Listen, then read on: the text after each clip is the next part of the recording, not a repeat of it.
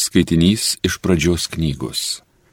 Ir Dievas tarė, vandenyse tegul knipžda gyvūnų ir paukščiai te skraido virš žemės dangaus paskliautėmis.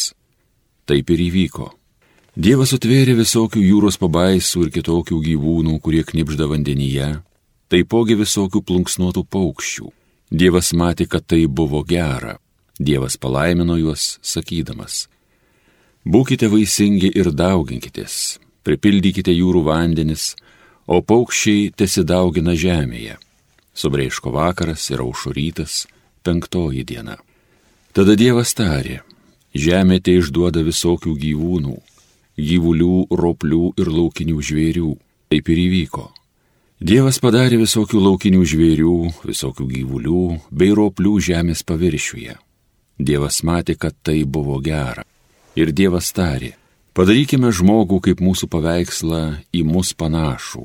Tegul viešpatauja jūros žuvims, padangių sparnuočiams, gyvuliams, visai žemiai ir visiems ropliams ant žemės. Taigi Dievas sutvėrė žmogų kaip savo paveikslą, sukūrė jį kaip Dievo atvaizdą, kaip vyrą ir moterį juodu sutvėrė. Dievas palaimino juos sakydamas, būkite vaisingi ir dauginkitės, apgyvenkite žemę, užvaldykite ją ir viešpataukite jūro žuvims, padangių sparnuočiams ir visiems gyvuliams, kurie kruta po žemę. Paskui Dievas tarė. Štai aš jums atiduodu visus sėklą duodančius augalus visoje žemėje ir visus medžius su sėklą turinčiais vaisiais. Jie bus jums maistas. Visiems laukiniams žvėrims, visiems padangių sparnuočiams ir visiems, kurie kruta po žemę, kurie turi savyje gyvybę, aš duodu maistui visus žalumynus. Taip ir įvyko. Dievas matė, kad visa, kas jau sutverta, buvo labai gera. Subrėško vakaras ir aušorytas šeštoji diena. Dangus ir žemė ir visa, kas jiems priklauso, buvo padaryta. Septintąją dieną Dievas pareiškė užbaigę savo į darbą, kurį buvo nuveikęs ir septintąją dieną ilsėjosi po viso savojo darbo, kurį buvo atlikęs. Ir Dievas palaimino septintąją dieną, paskelbė ją šventą, nes ją jis ilsėjosi, baigęs visą kūrimo darbą. Toks yra pasakojimas apie dangaus ir žemės atsiradimą, kai buvo sukurti. Tai Dievo žodis.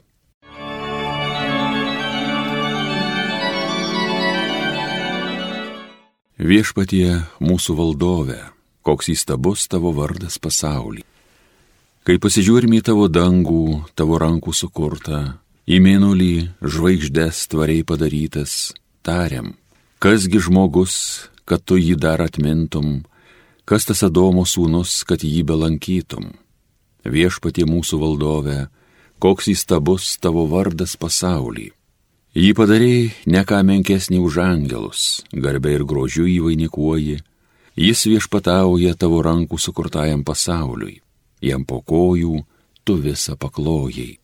Viešpatie mūsų valdove, koks įstabus tavo vardas pasaulį. Jaučiu savis, visus aliai vieno, net lauko žvėris, padangių paukščius ir žuvis jūrų giliųjų, visa, kas marių platybėse plauko viešpatie mūsų valdove, koks įstabus tavo vardas pasaulį. Alleluja, alleluja, alleluja. Pakreipk mano širdį į tavo teisyną, Dieve, suteik man ištikimybės malonę.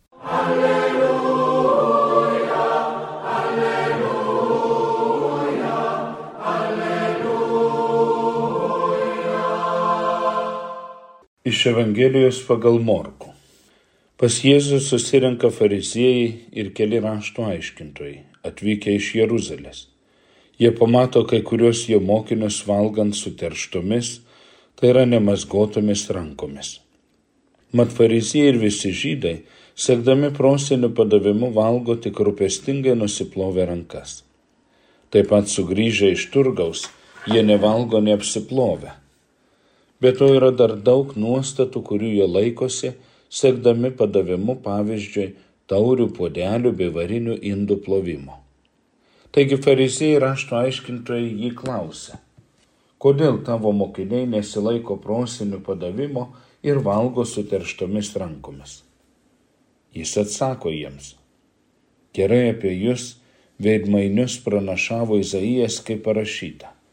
Šitauta šlovino mane lūpomis, bet jo širdis toli nuo manęs Veltui jie mane garbina mokydami žmonių išgalvotų priesakų.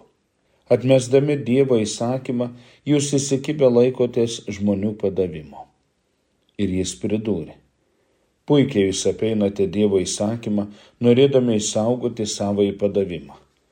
Antai Mozė yra pasakęs, gerbk savo tėvą ir motiną. Ir, kas keiktų tėvą ar motiną, mirtete numiršta. O štai jūs sakote, Jei žmogus pasako savo tėvui ar motinai, tebūnie korban, tai yra auka Dievui, kuo turėčiau tave sušelbti, tuomet jūs nebeleidžiate jam padėti tėvui ar motinai, niekais paversdami Dievo žodį vardant savojo padavimo, kurį esate perėmę. Ir daug panašių dalykų jūs darote. Tai viešpaties žodis.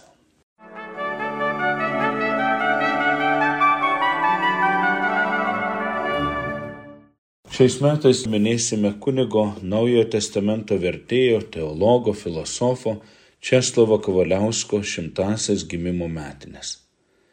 Būtent jis dažnai kalbėjo apie netiesinį, nebuhalterinį, paradoksalų mūsų viešpati Jėzų Kristų. Galime sakyti daugam nepatogu savo dvasios laisvumu ir tiesos gelme. Tokį Jėzų sutinkame ir šios dienos Evangelijos pagal Morko ištraukoje. Stebėtina, bet Kafarnaume Simono Petro namuose renkasi ne tik paprasti žydai, bet ir elito atstovai - fariziejai, rašto mokytojai atvykę iš Jeruzalės. Gera girdėti, kad Jėzaus asmuo ir jo mokymas traukia net sostinės Jeruzalės kilminguosius. Bet ar ilgam? Greitai paaiškėja, kad jų apsilankimo tikslas ne kuo geriau pažinti Jėzaus asmenį ir jo mokymą, neieškoti tiesos, bet surasti, prie ko galima prisikabinti ir tokiu būdu sumenkyti Jėzaus ir jo pasiekėjų vaidmenį ir aktualumą. Hygiena svarbu, bet kai hygiena tampa svarbiau už patį žmogų, jau negerai. Nesant vandentiekio su kranais taip, kaip mes esame įpratę, vanduo namuose kažkam papildomas kasdienis vargas ir užduotis. Nuplauti visus susirinkusi rankas būtų buvęs ilgai trunkantis ir nemažai vandens pareikalavęs rūpestis namų šeimininkams. Greičiausiai pasiūlyta nuplauti buvo tik svečių iš Jeruzalės rankas ir kojas, o juk ir dėrėjo.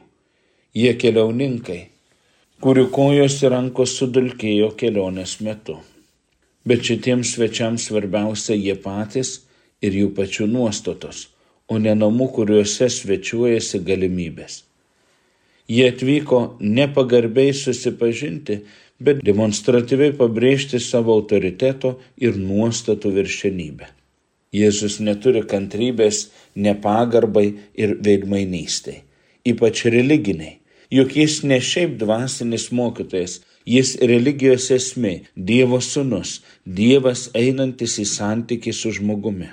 Būtent todėl, kad religija yra santykis, labai svarbu, kad abi tos santykio pusės būtų atviros viena kitai, o ne mėginančios pasinaudoti kitu ar primesti save kitam.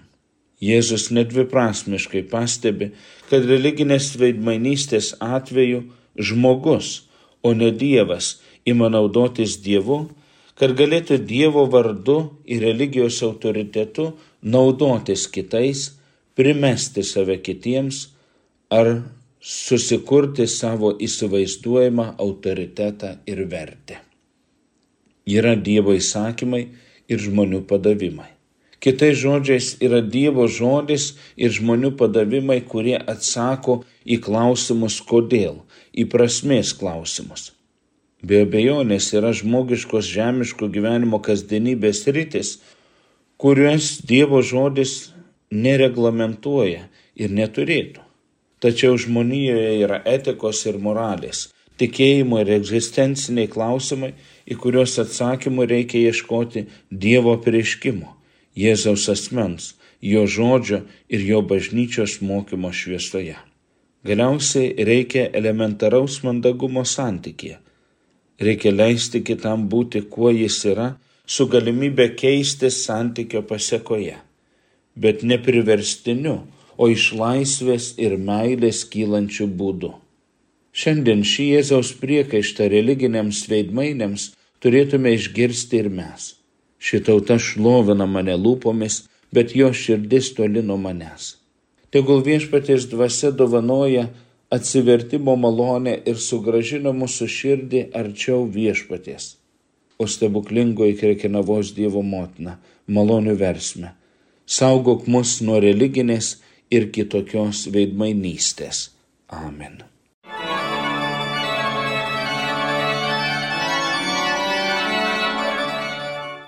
Homilija sakė teologijos mokslo daktaras kunigas Gediminas Jankūnas.